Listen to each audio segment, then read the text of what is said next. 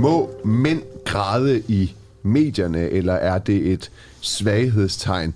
Det er et svaghedstegn, hvis man er Sørine Godfredsen, som er præst og har et mere traditionelt øh, kønsrollesyn. Vi skal tale med hende øh, senere i, øh, i den her øh, time. Det er øh, mere nøjagtigt klokken 07.40, øh, Adam. Og det skal vi, fordi hun har skrevet det her øh, debatindlæg i Berlinske i går. Den grædende mand er ikke et godt tegn. Og det er Victor Axelsen, hun refererer til her, ja. ikke, som brød grødende ud, ja. grædende ud efter sin sejr. Man kan have mange ening, meninger om, om, om, om den grædende mand, og om det er et godt tegn, men man kan i hvert fald ikke have mange meninger om, hvorvidt Victor Axelsen græd, for det, det gjorde han faktisk. Det gjorde han. Total guld øh, lykkerus der. Altså han, han, han, han græd jo nærmest som en, øh, som en okse i brunst. Øhm, og så øh, skal vi, øh, vi... Vi spørger i dag. Dagens spørgsmål er, skal vi afskaffe kontanter? Ja. Og grunden til, at vi stiller det spørgsmål, det er, fordi det er op til øh, politisk debat. Er det Venstre, der har været ude at sige, at det synes de er en god idé? Det er i hvert fald Brian Mikkelsen øh, fra Dansk Erhverv, der har været ude at sige det. Og vi har forsøgt at få ham i tale i over en uge nu, men øh, de har ikke haft tid til at uddybe deres spørgsmål. Okay. Og, øh, men til gengæld har vi så fået fat i René Dahl Andersen, som er forfatter og tidligere narkobetjent. Mm. Og han skal så prøve at, at forklare os, eller vi skal prøve at spørge ham i hvert fald, om et kontantløst samfund vil gøre det livet sværere for kriminelle, ja. eller de bare vil begynde at bruge guld, eller øh, bitcoins, euro, eller, eller, eller euro. En eller ting er sikkert, du kan jo i hvert fald ikke stå og handle med mobile pay på Pusher Street, vel? Det er ret øh, sporbart. Det kan man forestille sig, ja. Ja, og øh, så skal vi... så skal vi også... Øh, hvad er det, vi skal? Vi skal også tale med... Øh, det er faktisk... Lad os, skal vi i virkeligheden bare gå til det? Jeg kan lige sige først, kære lytter. Godmorgen. Øh, mit navn er Nima Samani. Det er Adam Dreves ved siden af mig. Og øh, dagens spørgsmål det er, skal vi afskaffe kontanter? Du kan sende en sms på øh, 1245. Du skal skrive DUAH mellemrum indholdet af din besked, altså til 1245, så skriver du DUAH, og så mellemrum, øh, nej, jeg synes ikke, vi skal afskaffe kontanter, fordi så kan et eller andet med privatlivets fred. Og øh, du kan også gå ind på Facebook, Den Uafhængige, eller Twitter, og, og, og komme med en øh, kommentar der, så prøver vores øh, producer, dagens producer, at, at følge lidt med i, i det, og sende det videre ind til, øh, ind til os. Men først, der skal vi tale med øh, Emilie Nordentoft, Adam, og det skal vi, øh, hun er scenograf, og vi skal tale med hende, fordi at er det over ja, 415 danske øh, filmmedarbejdere, altså i filmbranchen, de øh, stod i går frem, frem i et øh, åbent brev, øh, som, øh, som går på, at de, øh, de tager afstand fra vold og chikane og mobning og trusler om vold. Det er noget, de oplever på deres arbejdsplads.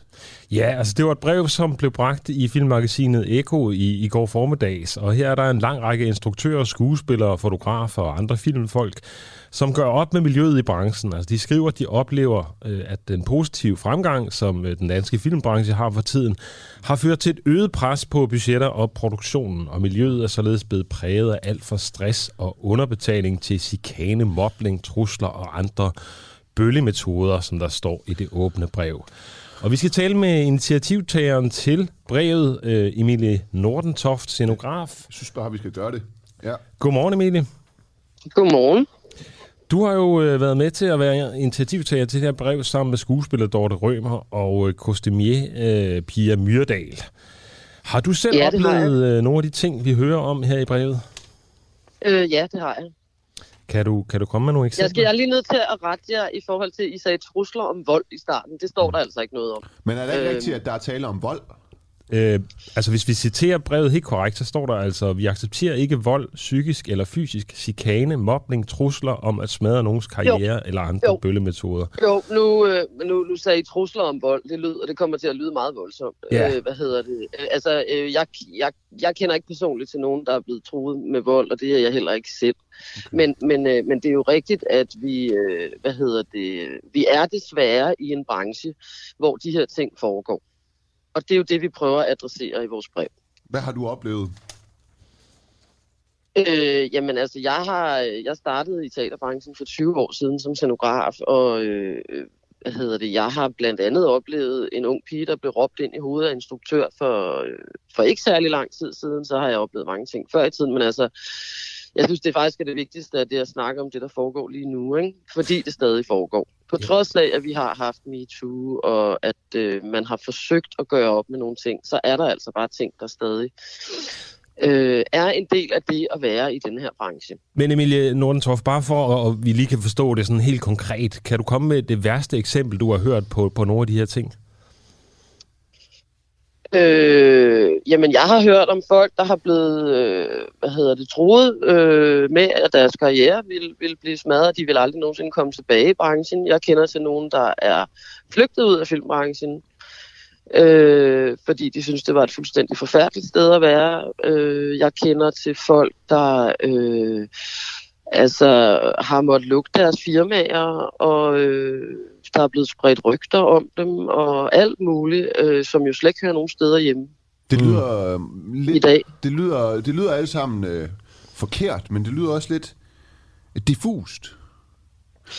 Så hvad, når, Ja, når, når der er du- rygter og folk, der bliver bliver nødt til at lukke deres firma og sådan noget, hvor- hvorfor sådan mere konkret? Det er bare for at forstå, fordi det er jo... Jamen, jeg kan, kan sørge ikke svare på, hvorfor, Nej. fordi jeg synes, der slet ikke, der er nogen grund til at opføre sig på den måde, men jeg må bare konstatere, at det foregår altså. Mm. Mm. Og efter at vi har startet det her, er, er der sket det, at jeg og også de andre er jo blevet kontaktet af en hulens masse mennesker, øh, hvor jeg har fået nogle historier, der har chokeret mig rigtig meget. Ja. Øh, fordi der sker jo det, når man ligesom selv står frem og, øh, og begynder at tale højt om de her ting, så, så, øh, så begynder folk at kontakte en og fortælle om, om, om de ting, de selv har oplevet. Og folk har altså ringet til mig om aftenen og visket ned i røret, og folk har grædt og råbt og skrejet og takket øh, og alt muligt. Øh, øh, takket for, at vi gør det her, men, øh, men det fortæller okay. jo også mig, at der er en meget stor øh, frustration, som nu måske får lov til at, at komme lidt ud øh, i det offentlige rum. Og det er ikke fordi, at altså, det ville jo egentlig være rarest, hvis det her overhovedet ikke behøvede at komme ud i det offentlige rum. Problemet er, øh, for mig og for de andre også, er, at det er faktisk den eneste mulighed, vi har lige nu. Mm. Jeg skal bare lige Det er, at der kommer noget opmærksomhed om Ja. problemerne. I-.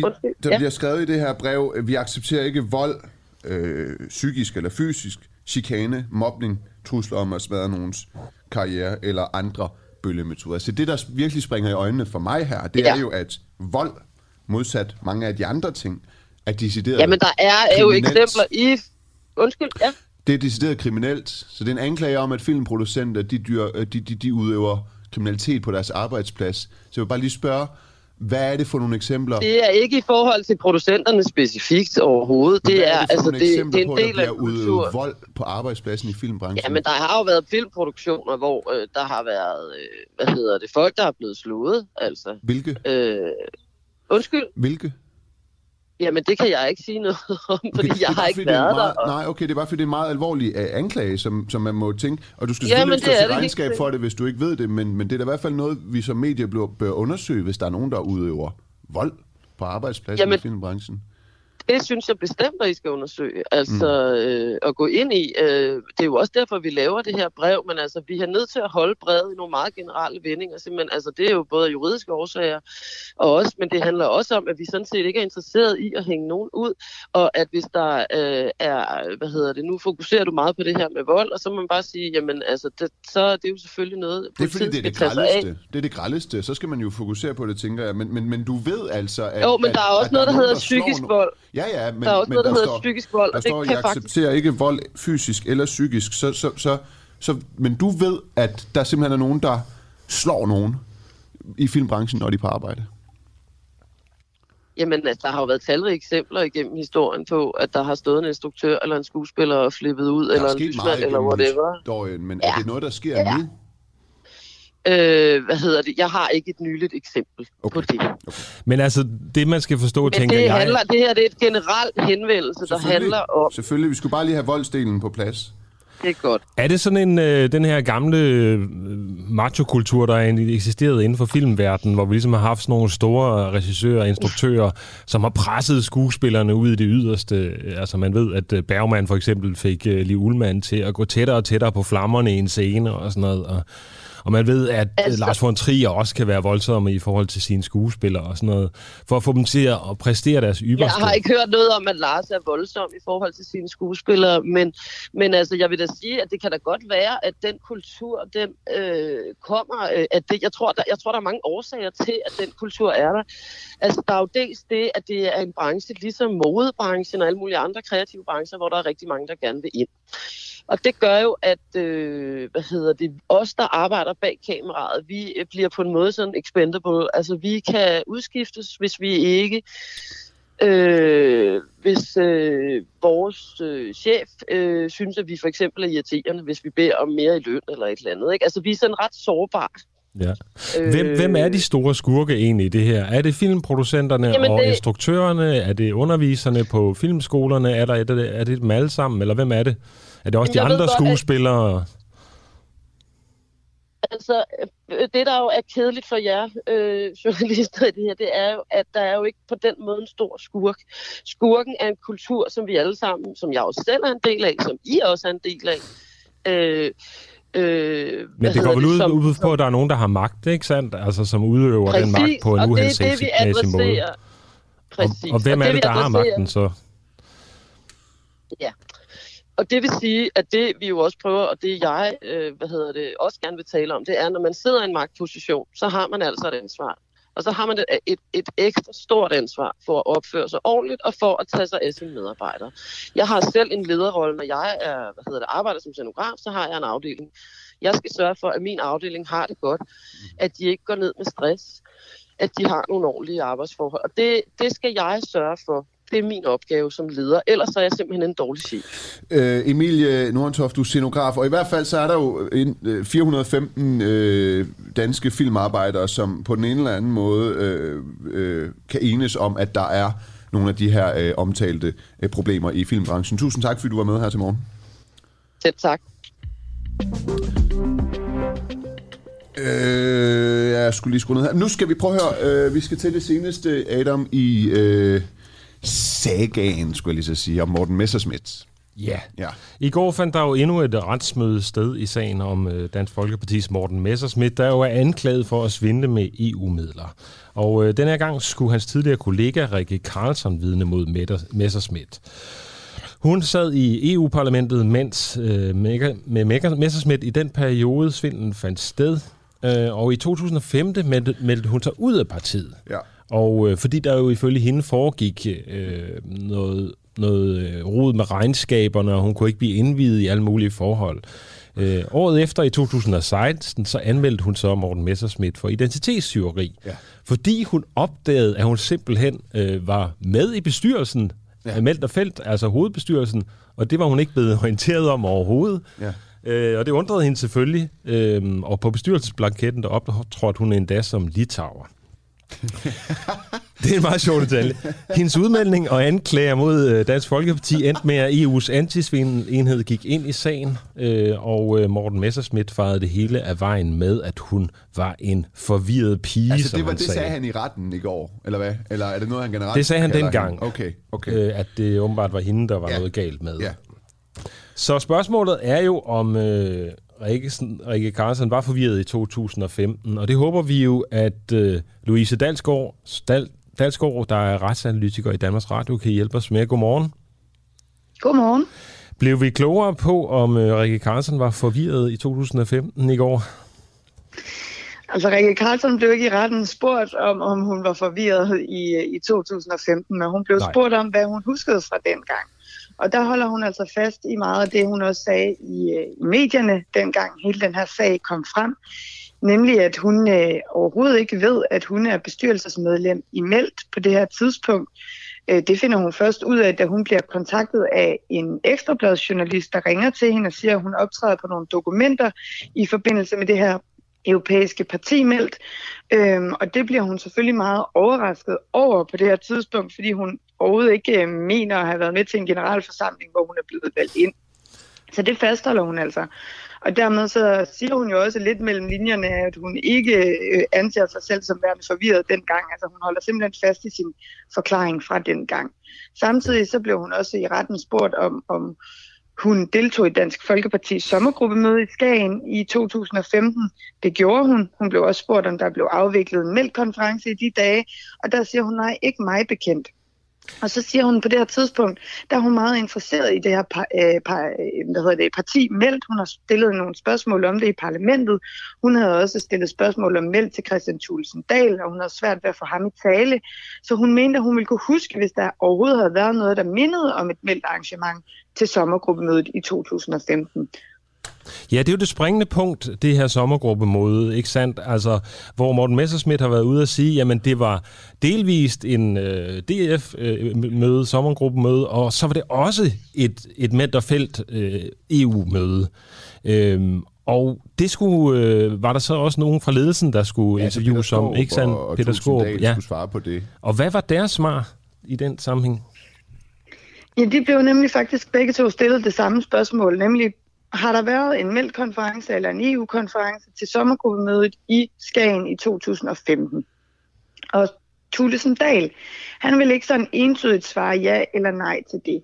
Han øh, sagde, at der havde i hvert fald været EU-diskussioner på sommergruppemødet, men om det var nok til at kalde det et såkaldt EU-arrangement, mhm. øh, som så var støtteberettiget, ja, det vil han altså lade andre om at vurdere. Det var han ikke ekspert i, de regler, så det vil han lade andre om at vurdere. Det sagde han, mens han blandt andet kiggede op på retsformanden. Fordi det er jo netop det, der skal vurderes i den her sag. Øhm, Skåb, han var den, der stod for arrangementet i 2015. Det er man som gruppeformand, der er man den, der står for DF sommergruppemøde. Og han var lidt mere skarp i mailet. Han sagde, at øh, han havde i hvert fald ikke dengang havde øh, han havde i hvert fald ikke dengang haft et meldt arrangement på tapetet til sommergruppemødet. Louise Dalsgaard, øh, nu har jeg fulgt lidt med i det her, og øh, medierne, i hvert fald særligt øh, Berlinske i går, havde ret meget travlt med at vinkle det her som, at det er godt, at Morten Messerschmidt han har en hund Hugo nu, fordi han har i hvert fald ikke nogen øh, venner i politik, og det viste sig virkelig, da Tulsendal og øh, Skov kom øh, på, på vidneskranken. Øh, hvad tænker du om det? Handler det ikke bare om, at de fortæller, ja, det er jo så ledet spørgsmål, men de er jo vel bare op og fortælle sandheden, eller havde du et indtryk af, at som Berlinske vinkler den, at de kørte ham under bussen? Nu er jeg jo retsanalytiker, og ikke politisk analytiker, så jeg forholder mig meget nødigt til, hvilke grunde der kan være. Det jeg kan sige er, ja. at man kommer ind i retten, og så er retsformand øh, Søren Holm Seup i retten i Lyngby meget stringent med at sige til alle vidner, at når man sidder i vidneskranken, så øh, taler man under vidneansvar, og hvis man ikke fortæller sandheden, så er det forbundet med et strengt straffansvar. Øh, og det er det, han indleder hvert eneste øh, vidne hver eneste vidneafhøring med. Og derfor så er det jo sandheden, man skal fortælle, når man sidder der, uanset om man hedder Christian Tulsendal eller Peter Skåb. Fordi hvis man ikke gør det, jamen, så kan man altså straffes for det i sidste ende. Ja, altså uanset om det er ens venner, der sidder der, tænker jeg. Ja. Og lige præcis, når man er indkaldt som vidne i en sag, så har man pligt til at fortælle sandheden. Og hvis hele DF øh, sad og løg om det her, hele ledelsen, så ville der, kunne det virkelig være problematisk. Ja. Hvordan vurderer du, øh, Morten Messersmiths øh, chancer for at få, få det her møde igennem som et EU-meldt og feltmøde? Jo, jamen, det er også en vurdering, jeg er meget påpasselig med at gøre mig, fordi Øh, det her, og det var de også inde på i retten i går, det er faktisk noget, der minder om at være den første sag af sin karakter. Altså, man har ikke haft sådan en sag her i Danmark før. Der har ikke været afgjort sager, der handler om den her type af EU-støtte, og hvordan den er brugt til det her europæiske parti. Øhm, så derfor så vil forsvar i sagen Peter Trudsø også og det var det, han var inde på i går. Han var også i sin procedure kom ind på øh, EU-forordningen omkring det her område. Han vil også komme ind på en håndbog, der er for brugen af støtte til de her europæiske partier. Simpelthen for at gennemgå og procedere på juraen i det. Altså, hvad må man egentlig bruge de her penge til? Og det er jo nok også derfor, at øh, Christian Tulsendal lidt ledende siger i går og kigger op på retsformanden, jamen, øh, var der nok EU-diskussioner? Var der nok EU-emner til vores sommergruppemøde til, at det kan klassificeres som værende et fælles arrangement mellem DF og Meldt? For det er jo lige netop det, der er kernen i hele den her sag, og som retten skal afgøre. Så med andre ord er der så ved at blive øh, dannet præcedens og dermed øh, retshistorie. Louise Dalsgaard, du er retsanalytiker i Danmarks Radio. Tusind tak, fordi du var med. Selv tak. Og skal vi afskaffe kontanter. Adam, hvad synes du? det har jeg ikke spekuleret vildt meget over. Øh, du er ikke den store kontantbruger? Jeg bruger ikke kontanter særlig meget. Det gør du ikke. Sige. Nej, du er en mand af systemet, simpelthen. Øh, øh. ja, præcis. Det, det. Jamen, det spørgsmål stiller vi øh, her til morgen. Øh, kære lytter, du kan sende sms på øh, 1245. Du skal starte en sms med DUAH. Skal vi øh, afskaffe kontanter? Og det spørger vi altså om, fordi at øh, Dansk Erhverv øh, foreslår det. Og jeg kan lige sige her, jeg skal lige se, der er en, der hedder Mark, der skriver, nej, det skal vi ikke. Vi skal ikke afskaffe rigtige penge. Ingen tvivl om, at fremtiden er digital, men det evige argument om det store problem omkring kontanter og sort arbejde holder ikke. Husker I Danske Bankskandalen? Det var hverken danske sædler eller euro, der var trykket på en øh, knap.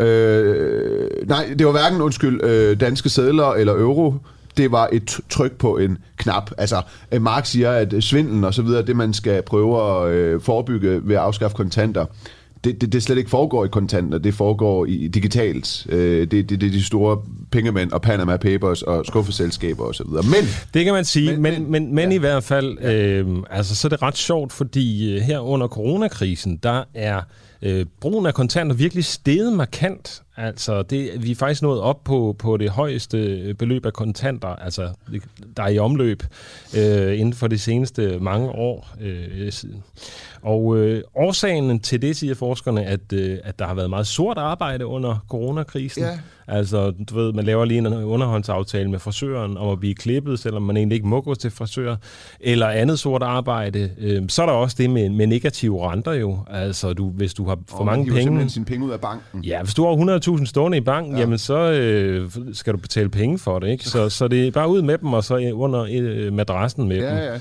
Og så er der også en tendens til, at folk i krisetider ligesom gemmer øh, pengene eller tager dem ud af bankerne. Så øh, ellers så har Finansforbundet øh, fundet ud af, at hver tredje dansker helt har droppet at bruge kontanter. Men altså, spørgsmålet i dag er jo, om afskaffelsen af kontanter vil gøre livet sværere for kriminelle mm. i Danmark. Og det har vi øh, René Dahl Andersen øh, med på linjen for at fortælle os om. Han er forfatter og tidligere narkobetjent. Godmorgen, René. Godmorgen. Hvad siger du til det her? Hvis vi afskaffer kontanterne, vil det så gøre livet sværere for kriminelle i Danmark? Det tror jeg desværre ikke. Jeg tror, det er et uh, tænkt politisk scenarie. Okay. Men prøv lige at høre. Øh, I forrige uge, der fortalte Venstres Jens Christian Lytke til, til os, den uafhængige, at han gerne ser et, et uh, totalt kontantløst samfund i Danmark allerede om 10 år. Og det siger du, det er mere et, uh, et, et, et, et politisk spørgsmål. Prøv først lige at forklare, hvad du mener med det. Jamen altså, nu er jeg ikke politiker. Nu er jeg gammel eller tidligere politimand, ja. ikke? Men øh, det er jo når der skal sælges nogle stemmer, når jeg hører sådan noget der. Okay. At, øh, historien viser jo, at det er sådan, at øh, kriminaliteten florerer, og at de kriminelle nok skal, skal sno sig, som det hedder, ikke? Øh, Men så er mit spørgsmål, så, det så, de, hvis, det ikke er, hvis du ikke er, vil komme med en politisk analyse af det, det forstår jeg godt.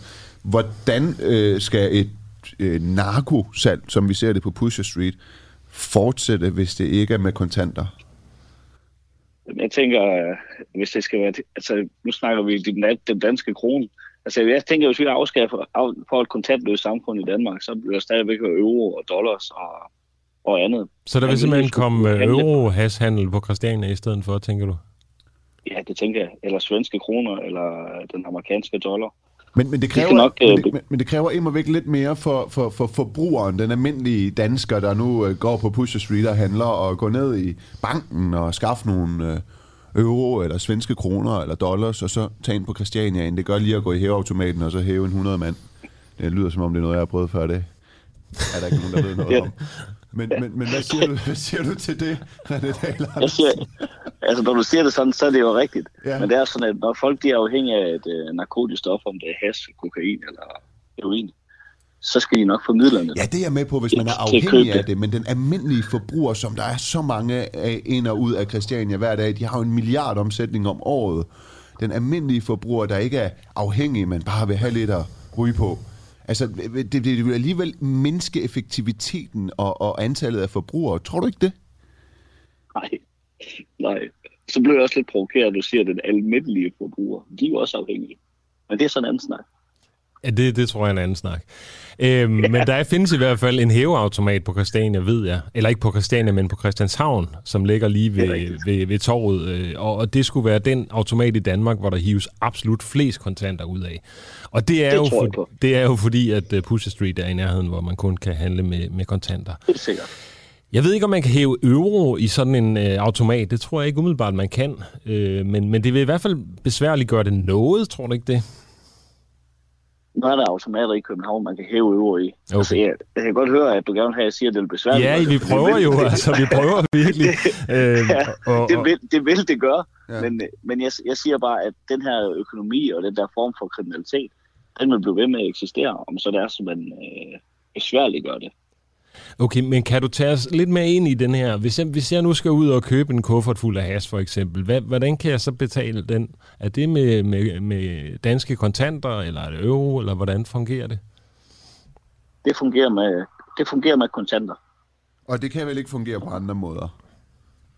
Ja, så, så er vi over i bitcoin, eller skal, skal til at betale med guld eller noget andet, ikke? Men så er det større mængder end, uh, end en kuffert, som typisk er 10 kilo, ikke? Ja. Så, og, er, så er og, det, og er det danske kroner, man bruger så, eller er det euro? Det er, ja, det er helst euro. Altså, det længere du bevæger dig ned i Europa imod øh, syden, hvor hassen kommer fra, hvis du skal blive i hassen, ikke, så vil de jo gerne afrave en euro, fordi så er bagmændene, så skal de ikke til at døje med at omsætte de her danske kroner. Nå, til. så det er måske ligefrem smartere, hvis det hele bliver omlagt til euro for, for ja, de kriminelle.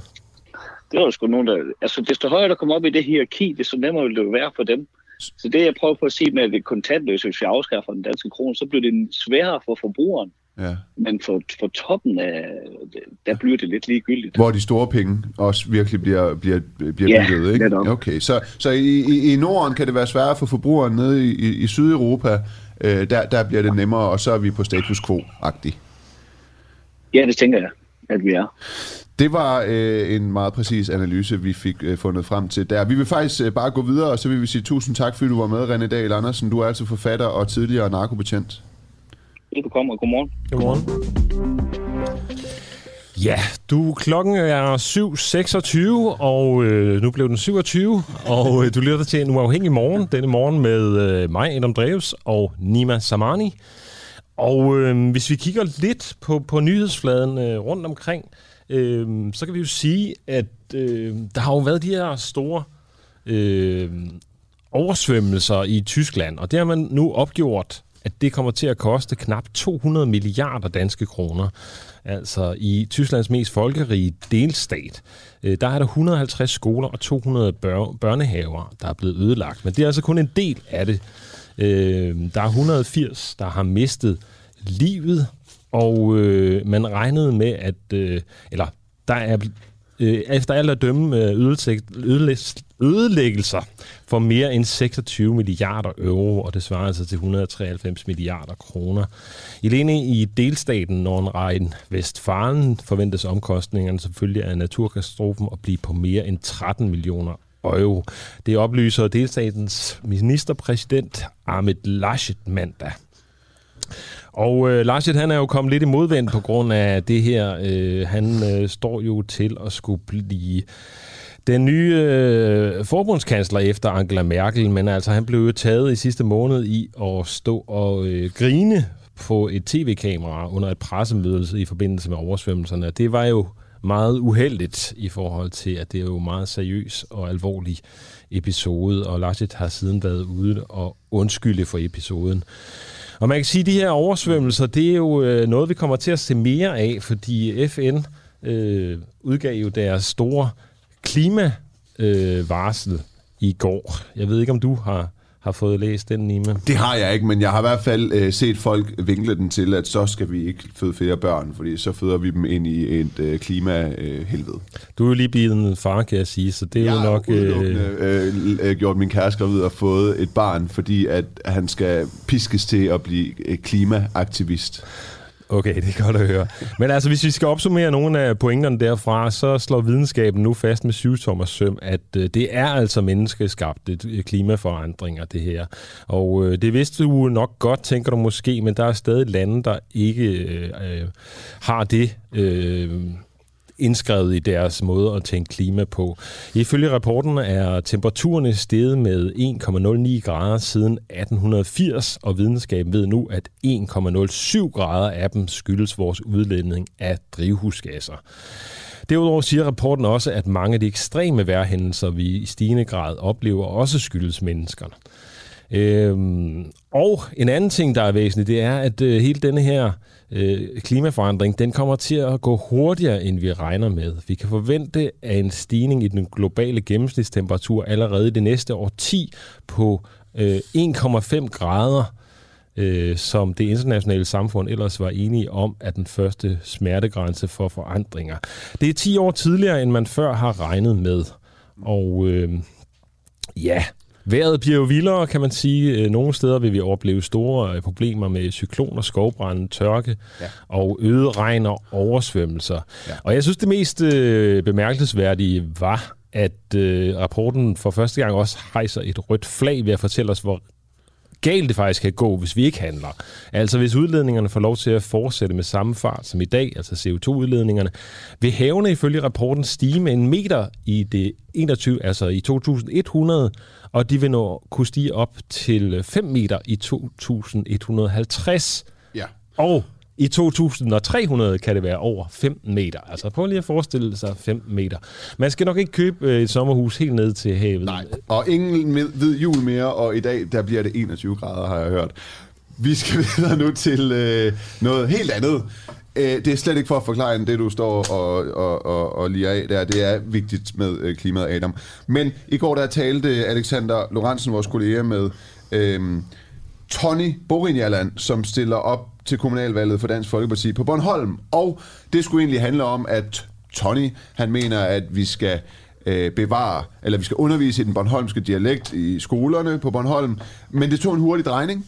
Det tog en vild drejning, øh, for det kom til at handle om, at øh, Tony Borinjaland ikke mener, at der skal være én muslim mere øh, på Bornholm. Der skal ikke komme en eneste muslim mere til øh, Bornholm. Det fortalte han altså vores kollega Alexander i går.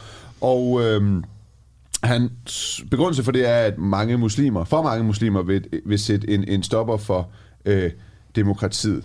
Vi ringede så til en af, hans, øh, en af partiets andre øh, kandidater øh, på Bornholm, altså for Dansk Folkeparti, René Danielsen, for at høre ham, øh, hvad han øh, havde at sige til hans øh, kollega Tonys øh, udtalelser om øh, muslimer, der sætter en stopper for demokratiet. Og det var vores øh, kollega Oliver Fruergaard, der talte med øh, René Danielsen, altså fra DF på Bornholm.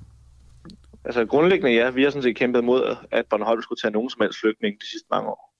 Okay, så du er enig i, at der ikke skal flere muslimer til Bornholm? Jamen altså, om det så er muslimer eller flygtninge fra Afrika eller sådan noget, det er sådan set et fedt. Ja, vi har, han, vi siger, han siger nemlig konkret muslimer. Okay. Er du enig i det? Øh, Jamen, øh, altså jeg kan jo ikke nægte, hvis der er danske statsborgere, som er muslimer, som vælger at rykke deres folkeregisteradresse til Bornholm. Det kan vi jo ikke nægte dem.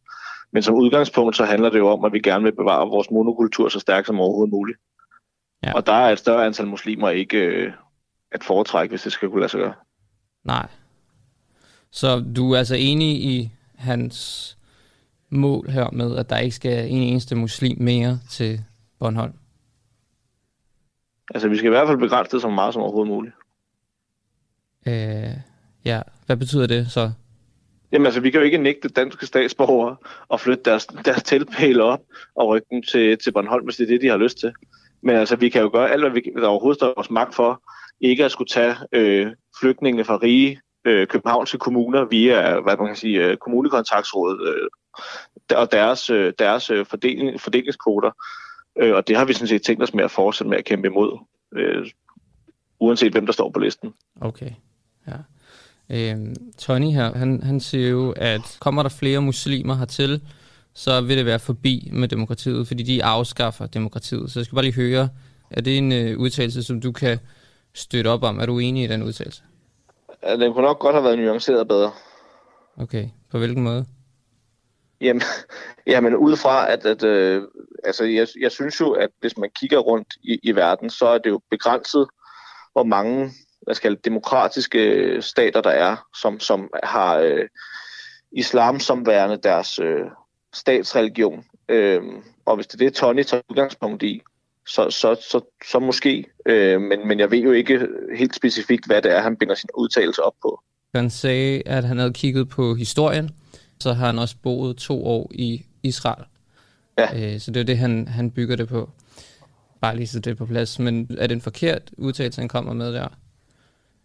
Men det, altså, det kommer an på, altså ud, ud fra Tonys perspektiv, hvis man har boet to år i kibbutz, og har været kommet i Israel hele sit voksne liv, stort set, så er det selvfølgelig klart, at man har øh, øh, et syn på, på den sag, som, som tager udgangspunkt i, i de oplevelser, han nu engang har. Øh, men, men altså, der er jo ikke, fordi demokrati er jo ikke verdens, hvad kan man sige, øh, det er jo ikke, fordi demokratiet har været særlig udbredt nogen steder de sidste 250 år. Øh, så, så, så, som jeg sagde, derfor kunne den udtalelse godt have været nuanceret væsentligt bedre. Det kan godt være nuanceret bedre, så skal jeg bare høre, hvad er der forkert i det, han siger? Jamen, men det, altså fordi, at du kan selvfølgelig godt finde, finde masser af muslimer, som både går ind for demokrati, demokrati, demokrati og ytringsfrihed. Men hvis du kigger på et statsligt plan, så er det måske alt andet lige svært at finde super mange eksempler på, øh, på blomstrende demokratier, hvor islam er den mest udbredte religion. Ja. Og, og det, er, det er sådan, som jeg kender Tony, så er det måske noget, eller det, han har taget udgangspunkt i, når han har kommet med den udtalelse.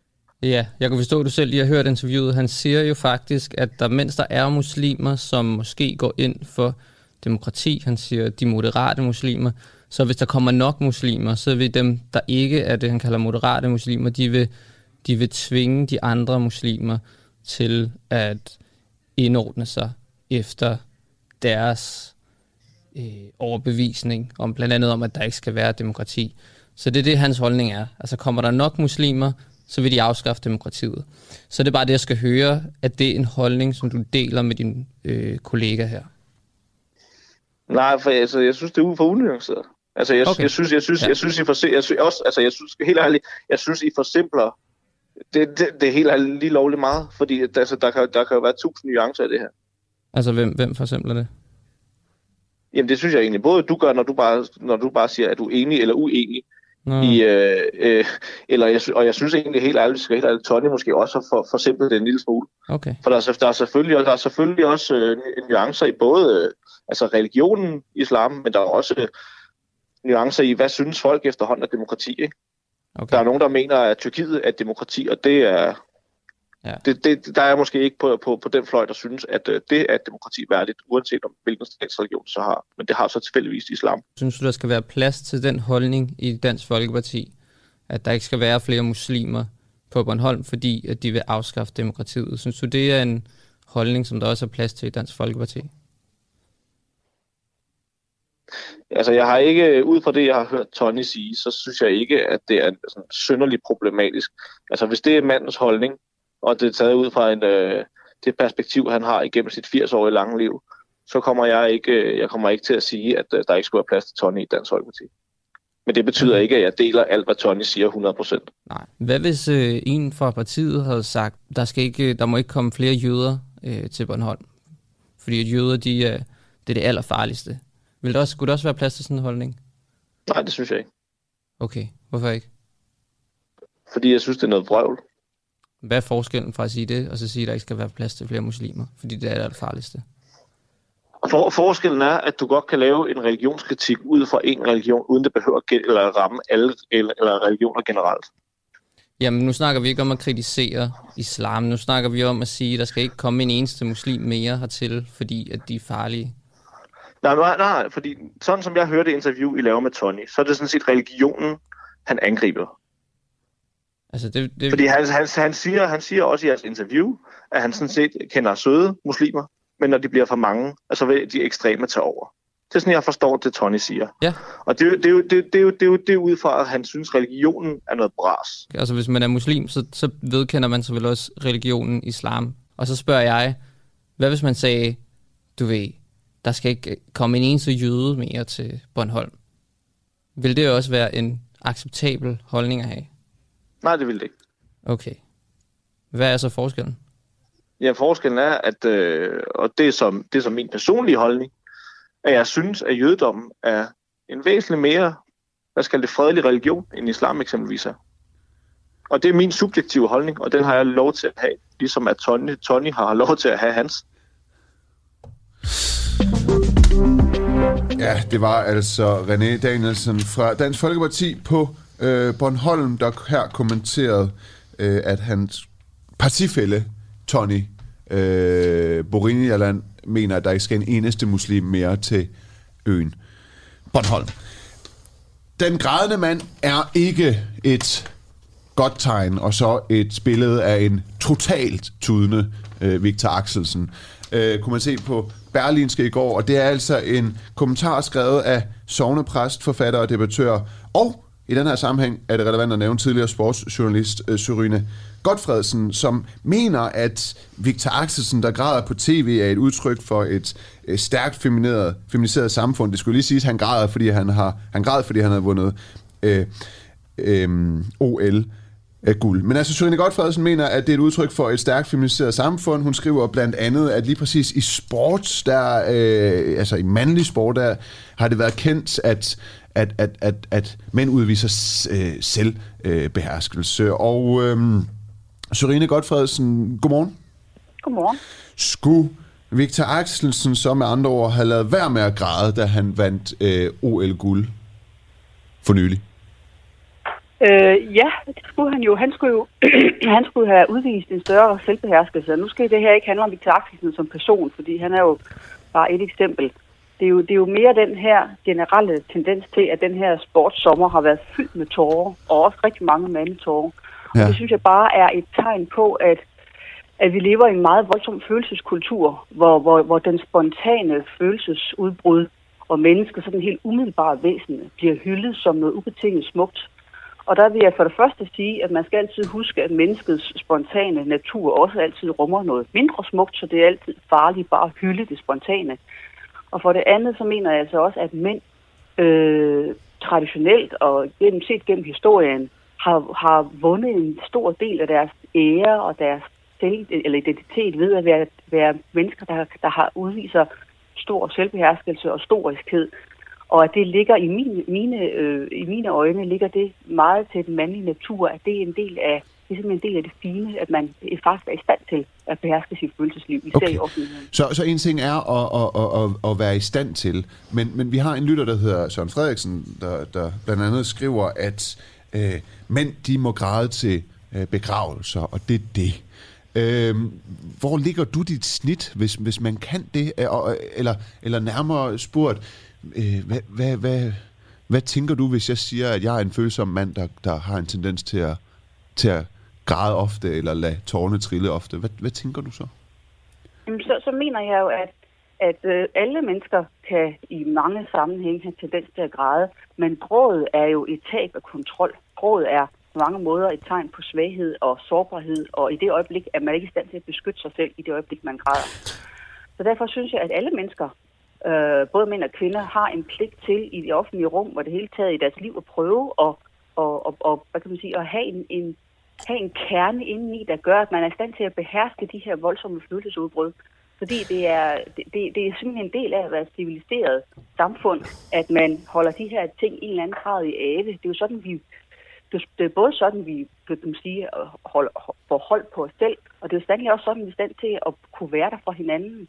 Men Torine... Det er der ikke for andre, at har svært ved at have overskud til andre mennesker. Torine sådan, jeg, jeg har lidt svært ved at se, hvad er problemet? Altså, vi er jo ikke på civilisationens rand, går jeg ud fra. Altså, vi, vi, vi er vel stadig et civiliseret samfund. Hvad er problemet ved, at mænd viser den sårbarhed?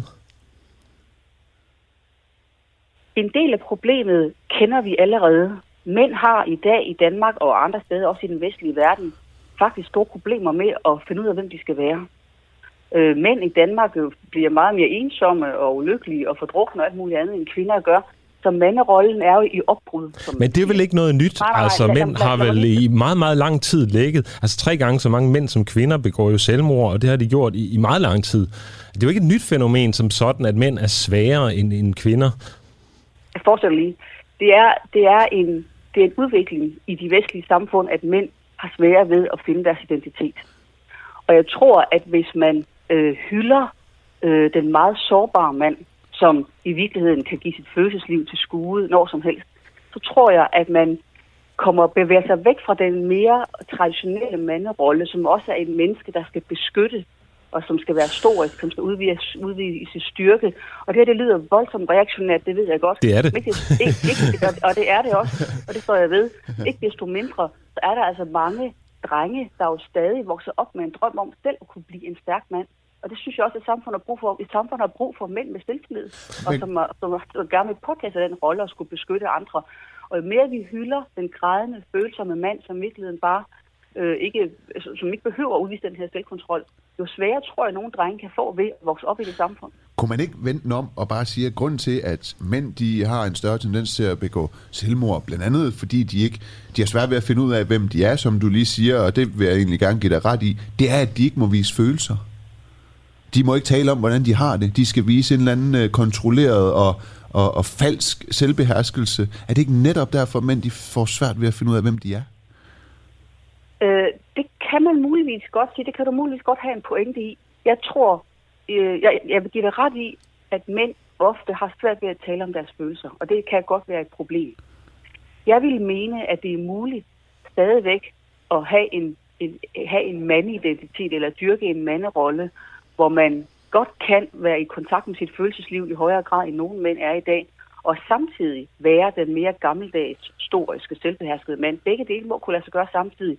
For hvis vi kommer over i den der grøft, hvor, hvor, hvor, hvor grådet bliver et ideal, og det her med at udvide sine følelser og være det spontane, øh, sådan meget ekspressive menneske, hvis det bliver et ideal, så, så tror jeg virkelig på, at, at mange drenge vil, vil få svært ved, og også samtidig opbygge den indre styrke, som jeg som jeg forbinder med den mere klassiske manderolle. Men man kan vel også, øh, kan man ikke lige så vel påstå, at man vel også kan være en, en mand, der øh, har sine maskuline værdier, men også samtidig formår at vise sårbarhed og græde, når, når, når der sker noget, øh, når der er modgang i livet, for eksempel. Altså, det, du ved... Høre, det, det er meget vigtigt at sondre mellem det private og det offentlige. Nå ja, det er den sondring, du laver, ja. Selvfølgelig må en mand græde, når han har modgang i Han skal gemme sig væk fra offentligheden, når han gør det, ja. Det skal vi alle sammen. Okay. Det, det, gavner, det gavner ikke et fællesskab, at vi i for høj grad udtrykker vores følelsesliv i det offentlige rum. Jeg har lige jeg et tror, andet spørgsmål her. Nej, nej, nej. Jeg skal Nå. lige gøre det færdigt. Okay. Jeg tror, jeg tror, som sagt tror jeg meget på, at en del af muligheden for, at vi kan passe på hinanden i et fællesskab, det er, at vi er i stand til at udøve selvkontrol og selvbeherskelse. Og hvis man hylder det, det modsatte, så, så ved jeg godt, at det er tidens ånd bliver opfattet som meget smukt og impulsivt, at du skal bare være, som du er. Det er bare ikke sådan, at samfundet i længden hænger sammen. Det hænger sammen ved, at vi er noget andet i det offentlige rum, end vi er derhjemme. Okay, så vi skal ligesom tage en maske på, når vi går ud i samfundet og, og det, ikke vise følelser. Det er, det er hensyn til hinanden. Jeg vil gerne, det er noget noget andet. Du, du, øh, altså, du karakteriserer meget, du skriver, sammenligner meget øh, gråden med sådan barnets spontane reaktion. Altså når verden mm. føles overvældende, så er grådet forbundet med afmagt og så videre.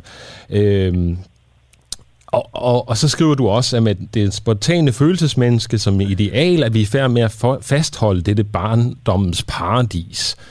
Victor Axelsen her, som, som du er ude efter i, i overskriften også, øh, han øh, græder, da han har vundet OL. Han har kæmpet og trænet til det her, jeg ved ikke hvor mange år. Det er hans livs drøm, som går i opfyldelse, og nu lykkes det endelig, og så bryder han sammen øh, for åben kamera. Øh, er det, fordi han er, han er barnagtig? Fordi jeg tænker, når jeg, altså, jeg har aldrig nogensinde set et barn græde efter det har vundet en badmintonkamp eller en, en fodboldkamp eller noget. Har du det? Ej, men det synes jeg også er en meget underlig parallel, for det ved vi alle sammen ikke er det, jeg mener. Selvfølgelig siger jeg ikke, at det har noget at gøre med, hvad et, hvordan et barn reagerer, hvis det vinder et OL-medalje, for det er der ingen børn, der gør. Du sammenligner, gråden af barnets spontane reaktion, når verden føles overvældende. Og, ja. og det her spontane følelsesmenneske, som Victor Axelsen vel er i din analyse, altså det er ja. jo med til at fastholde det her barndommens paradis, skriver du. Ja. Så er det vel også korrekt, at jeg siger, at, at altså, du, du mener, at Victor Axelsen går i barndommen, han græder. Voksne mennesker går jævnligt i barndom. Vi er alle sammen tæt på vores barnetilstand. Den kommer vi aldrig væk fra. Spørg Grundtvig. Derfor så er, der, så er der nogle af vores reaktioner som voksne mennesker, der minder om barnet. Det betyder ikke, at et barn vinder OL-guld. Det betyder, at den voksne, der vinder OL-guld, kan udvise barnlige træk. Og når man, øh, øh, og når man øh, fuldstændig overgiver sig til sin gråd, så, så synes jeg, det er meget svært at komme bort fra, at det voksne menneske i en eller anden grad krakelerer, og så er, man, så er, der, øh, så er der udsyn til barnet indeni.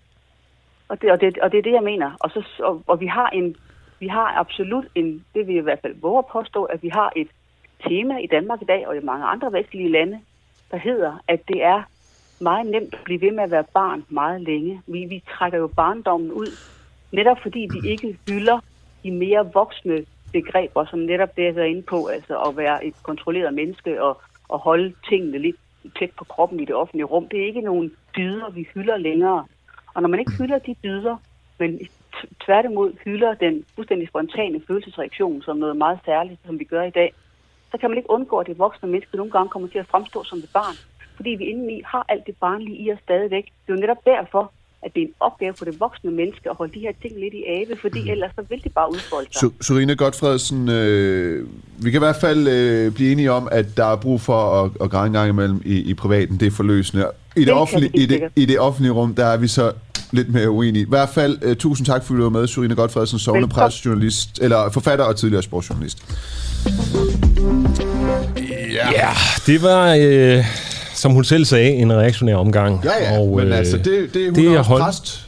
Ja. ja så det, det er så. også øh, spændende at høre nogle konservative værdier øh, en gang imellem. Jeg ved ikke med dig, græder du meget?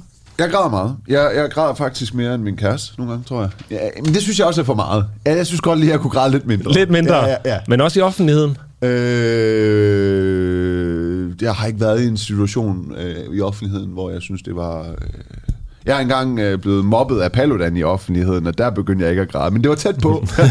der beherskede jeg faktisk mig selv. Men, og det er flot. Øh, vi skal til noget andet øh, nu. Øh, kan de afghanere, der har arbejdet for Danmark under krigen i Afghanistan, evakueres til øh, nærområderne. De, de fleste partier i, øh, i Folketinget presser på for at evakuere øh, afghanske ambassademedarbejdere, der ifølge flere er truet af øh, Taliban, som jo øh, bekendt vender terræn i øh, Afghanistan igen. Flere af partierne de kræver evakuering til Danmark, men øh, regeringen og særligt Dansk Folkeparti, øh, nok også de andre partier, foretrækker, eller mange af de andre partier foretrækker at hjælpe dem ved at bringe dem i sikkerhed i nærområderne. Øh, Mads Silberg, du er øh, krigsveteran. Du kom hjem fra Afghanistan i øh, 2010. Velkommen til. Tak skal du have. Kan den danske regering øh, sikre disse afghanere i, i, i, i, i nærområderne? Hvad tænker du, når du hører det? Uh, så tænker jeg, at det er sådan en standard øh, frase, som, som man jo har brugt en del gange før, øh, når der har været øh, asylpres for en eller anden del af verden, så har man været meget optaget af, så skal de i hvert fald ikke øh, hjælpes her, så skal de hjælpes i det område. Øh, så jeg tænker, det er bare sådan, det, det, det er der ikke en helt stor tanke bag øh, endnu, øh, men det er bare sådan en, i hvert fald fra Nye Borgerlige og, og, og Dansk Folkeparti. Ja, og også øh, regeringen, må man sige. Men, men, men, men, men ja. hvad, hvad tænker du sådan øh, mere konkret, hvis man skal prøve at, at, at, at gå ned i sådan helt lavpraktisk, hvad vil det, øh, du har jo gået side om side med de her øh, afghanere, der har hjulpet danske soldater. Og sådan, hvad tænker du sådan helt lavpraktisk? Hvad vil det kræve for et instrument, hvis man skulle hjælpe dem i, i nære områderne i forhold til Taliban? Ja, det, det er et godt spørgsmål, ikke? Og hvad er nærområdet så lige i, i forhold til Afghanistan, og så for de her mennesker, ikke? Øh, de synes, det er bedre at bo i Uzbekistan end, end, end, end i et europæisk land, eller, eller hvordan noget så jeg, jeg ved, at først, først og fremmest skal man jo finde et nærområde, hvor der rent faktisk er sikkert, og hvor de får lov til at leve i fred, ikke? Jo. Øhm, og der, det kan måske godt blive lidt øh, en udfordring også. Det er sådan rimelig en urolig region, øh, landet ligger i. Men tror du, det kræver mere at, at, at simpelthen finde de her øh, øh, mennesker, der skal hjælpes, evakuere dem, finde et sikkert nærområde, end at bare få dem til Danmark? Ja, ja, ja. Det er det. Det er den nemmeste løsning. Det, der, det, det vil da være at proppe dem alle sammen i et fly og flyve dem hertil. Ikke? Altså sådan lige på kort sigt i forhold til at, at inddæmme... Altså ide, ideen med at sikre dem, det er jo, at der ikke er nogen af dem, der bliver slået ihjel på baggrund af deres engagement øh, med, med os. Ikke? Øh, og, og så er det helt klart, at den hurtigste løsning, det er selvfølgelig bare at flyve til Danmark. Og så så er sikkerhed. Ikke? Okay, og så lige sådan her, fordi vi, vi har et meget presset program, men, men, men kort. Mm. Øh, hvis man hjælper dem til nærområderne, øh, hvor, har, har Taliban så, hvilke forudsætninger har de for at identificere og finde de her øh, afghanere, der har hjulpet Danmark? Jamen det, det, det, vel, det, det, det, kan jo kun blive gæt fra min side, men jeg kunne forestille mig, at de er ret gode. Altså lad os bare sådan noget, de, de er jo de, er jo, de, de holder også til, for eksempel i Pakistan holder Taliban til, så de har jo, jo, jo tættere de er på Afghanistan, jo nemmere vil det være for dem at, at, at få fat i dem. Ikke? Jo. Øhm, Okay. Men Silberg, det blev øh, meget kort, øh, men tak fordi du var med. Det tak. Ja, vi er lakker så småt mod enden her. Klokken er 5 minutter i 8, lige om 30 sekunder i hvert fald. Vi skal lige runde lidt op, øh, lidt, lidt tilbage til et interview, vi havde i går med Pernille Værmund. Altså, det, der er jo det her... Øh, øh, reformprogram, som blev fremlagt øh, her i weekenden fra Nyborgerlige, det vi har ventet på i lang tid. Og øh, en af hovedpointerne var jo, at øh, der skal spares, skæres 85 milliarder kroner i det offentlige forbrug. Og vi spurgte jo så Pernille Vermund i går, øh, hvor de skulle skæres henne. Øh, og der øh, kunne hun finde frem til 18-19 milliarder kroner, altså over de næste tre år. Og ideen er så ligesom, at det er noget, der skal tages op løbende. Så spurgte vi jo også om de her 100.000 offentlige stillinger, som skal skæres ja. over de næste 35 år. Altså det er 100.000 mennesker, der skal miste deres job i det offentlige. Ja. Og det svarer, altså det er mange mennesker, det svarer til alle lærere, alle pædagoger og alle pædagogmedhjælpere i hele Danmark. Ja. Vi prøvede så at finde ud af, hvad det var for nogle mennesker, der skulle fyres, og øh, hun kunne nævne, at der var 9.000 i jobcentrene, øh, der var 2.500 i DR, der var nogle integrationsmedlemmer, som hun ikke var helt sikker på, hvor mange var, øh, men omkring 1000 går jeg ud fra, og så var der 6.600 i DSB. Altså 19.000 kunne hun. Og så resten øh, ville de finde ud af sådan år for år? Ja, det ville de finde ud af år for år. Ja. Så det her med 100.000, det var ikke sådan, det kunne godt være 110. Det, det var kunne godt. Være, ja, det var slag på tasken, mm. selvom der står 100.000 med store ja. bogstaver. Ja. Og så var du jo lidt skarp. Øh, jeg, jeg, jeg husker det, som om det var dig, der, der, der var lidt skarp, fordi øh, med Værmund var jo i deadline i søndags. Ja. Og øh, jeg ved ikke, om det var dig. Det var ikke mig. Okay, det er heller ikke så vigtigt. det var en af vores andre journalister, som, øh, som læste, som hørte... Øh, det var ikke mig, der var Deadlines, interview, Deadlines interview med Pernille Værmund. Og øh, der nævnte hun øh, et ret sjovt tal. Prøv en gang at høre med her. Var det her ikke til, at hvis du, vi to, vi sad hjemme ved køkkenbordet, at øh, du så siger, at vi køber et, øh, et hus, vi køber et sommerhus, og vi køber en Lamborghini. Og jeg spørger så, hvordan pokker skal vi finansiere det? Så siger du, det finder vi ud af næste år. Nej, det svarer jo til, at man ved, hvad det er for en økonomi, vi har. Det offentlige lægger beslag på over 100.000 milliarder kroner. Vi har et offentligt budget på over 100.000 milliarder kroner. Så siger vi, hvis vi skal blive ved med at være et rigt og et frit samfund, så er balancen mellem det offentlige og det private nødt til at ændre sig. Vi kan ikke have så stor en offentlig sektor, som lægger beslag på så mange af vores penge, og så stor en del af vores arbejdskraft, hvis vi vil have luft under vingerne til det private erhvervsliv. 100.000 milliarder har vi i det offentlige budget. 100.000 milliarder. Og det svarer til, at man skriver 1, og så 1, 2, 3, 4, 5, 6, 7, 8, 9, 10, 11, 12, 13, 14 nuller bagved. Ja. ja. Der var ikke lige nogen, der stussede over det. Journalisten var heller ikke helt på, på vagt der, fordi det drejer sig jo om 1000 milliarder kroner, der er i det offentlige budget. Ikke 100.000 milliarder. Ikke 100.000 milliarder kroner. Og, og så tænker jeg, måske jeg ved ikke, om, om, om det er fordi, at øh, om Pernille Vermund ikke er så stærk i tal. Det er fordi, hun stadigvæk ikke er kommet hjem fra båden i Dubai. Ja. Nå, nej. Man, man kan sige, måske var det en talefejl, ja. det her. Ja. Men, men så kom vi til at tænke, øh, undersøge det lidt nærmere, og så øh, fandt Asger ud af, Asger Jul her fra øh, øh, vores øh, kanal, at der havde været en lignende situation tidligere. Han havde nemlig lavet et interview med hende i 2019. Prøv at høre en gang her. Hvilke andre skatter skal ned, eller øh, hvilke afgifter skal væk? Kan du prøve at ja. nævne dem alle sammen? Ja, Øh, jamen, det er topskatten, det er selskabsskatten, det er arveafgiften, det er registreringsafgiften, nu skal jeg se, om jeg kan huske dem alle sammen, en halvering af elafgiften, en halvering af benzinafgiften, øh, vi fjerner afgifter på øl, vin, spiritus, sukker, eller hvad hedder det, slik. Øh, alle afgifter på de ting? Ja. ja. Øh, ikke på elafgiften og benzinafgiften, det er en halvering. Selskabsskatten, skal den ned på 0? Ja. Nå. Men over en årrække. Ikke? Mm. Altså det er vigtigt for mig, at når vi taler økonomisk politik, at man har en forståelse for, at det her er jo ikke noget, der sker fra dag et. Hvor mange penge går vi glip af i kroner og øre med, med alle de her skatter og afgifter, der bliver fjernet eller sat ned? Jamen vi går ikke glip af kroner eller af penge i og kroner hvor mange, og øre. Hvor mange penge drejer mange, det sig om, ja, der, mange, vil blive, der ikke vil komme ind i statskassen? Hvor mange penge vi skal betale færre i skat, det er det, du mener?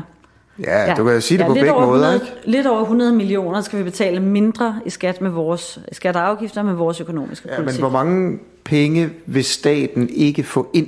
Jamen det er det samme. Altså, ja, det er jo også, der 100 dem. millioner? Ja. Ikke mere?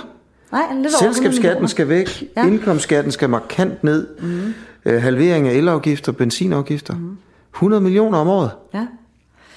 Og det er jo... Jamen, kan det, og det, Ja, det var her et uh, interview for Ræson, som Asger Juhl lavede, og uh, det er selvfølgelig ikke 100 millioner, men 100 milliarder. Det er meget vigtigt at sige, om det er fortalelse eller ej, det ved vi ikke, men der er ikke styr på millionerne og milliarderne. Rigtig god morgen.